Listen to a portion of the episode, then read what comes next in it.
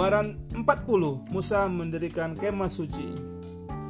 Berfirmanlah Tuhan kepada Musa pada hari yang pertama dari bulan yang pertama haruslah engkau mendirikan kemah suci yakni kemah pertemuan itu. Kau tempatkanlah itu di dalamnya tabut hukum dan kau pasanglah tabir sebagai penudung di depan tabut itu. Kau bawalah ke dalamnya meja dan taruhlah atasnya perkakas menurut susunannya. Kau bawalah ke dalamnya kandil dan kau pasang lampu-lampunya di atasnya Kau taruhlah mesbah emas untuk membakar ukupan di depan tabut hukum. Kau gantunglah tirai pintu di kemah suci.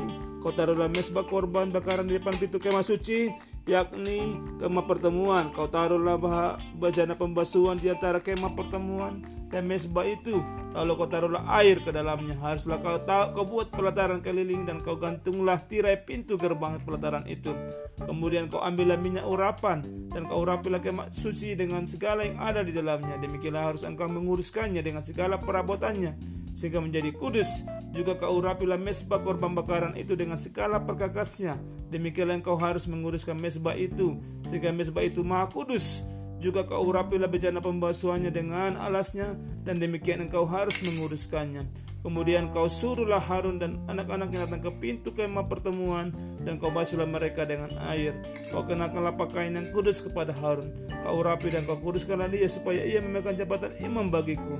Juga anak-anaknya kau suruh mendekat dan kau kenakanlah kemeja kepada mereka. Urapilah mereka seperti engkau mengurapi ayah mereka supaya mereka memegang jabatan imam bagiku. Dan ini terjadi supaya berdasarkan pengurapan itu mereka memegang jabatan imam untuk selama-lamanya turun temurun dan Musa melakukan semua yang tepat seperti yang diperintahkan Tuhan kepadanya. Demikianlah dilakukannya. Siapa yang melakukannya? Musa. Siapa yang durapi jadi imam? Imam Harun abangnya jadi imam.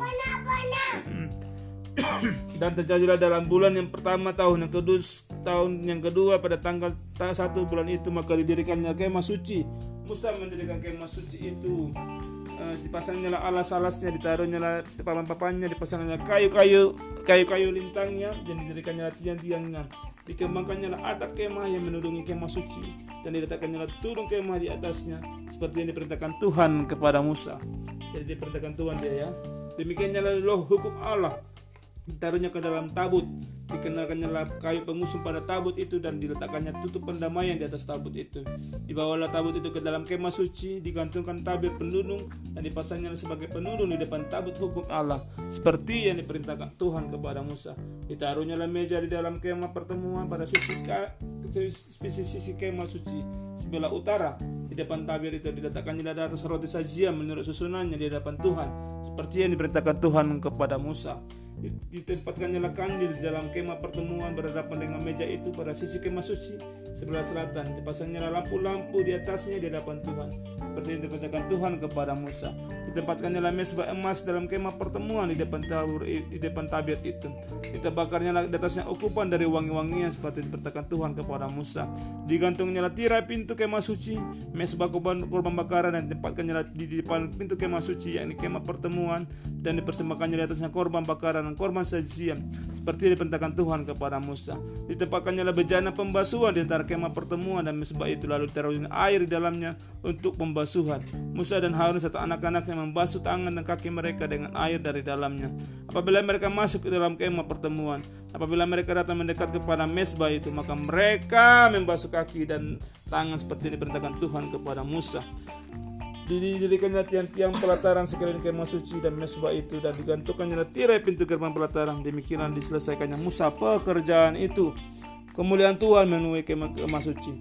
Lalu awan menutupi kemah pertemuan dan kemuliaan Tuhan memenuhi kemah suci. Sehingga Musa tidak dapat memasuki kemah pertemuan sebab awan itu hinggap di atas kemah itu dan kemuliaan Tuhan memenuhi kemah suci Apabila awan itu naik di atas kemah suci, berangkatlah orang Israel dari tempat mereka berkemah. Tapi jika awan itu tidak naik, maka mereka pun tidak berangkat sampai hari awan itu naik. Sebab awan Tuhan itu ada di atas kemah suci pada siang hari dan pada malam hari ada api di dalamnya. Apa siang hari? Awan. Malam hari api, api Tuhan. Di depan di depan seluruh umat Israel pada setiap tempat mereka berkemah. Amin.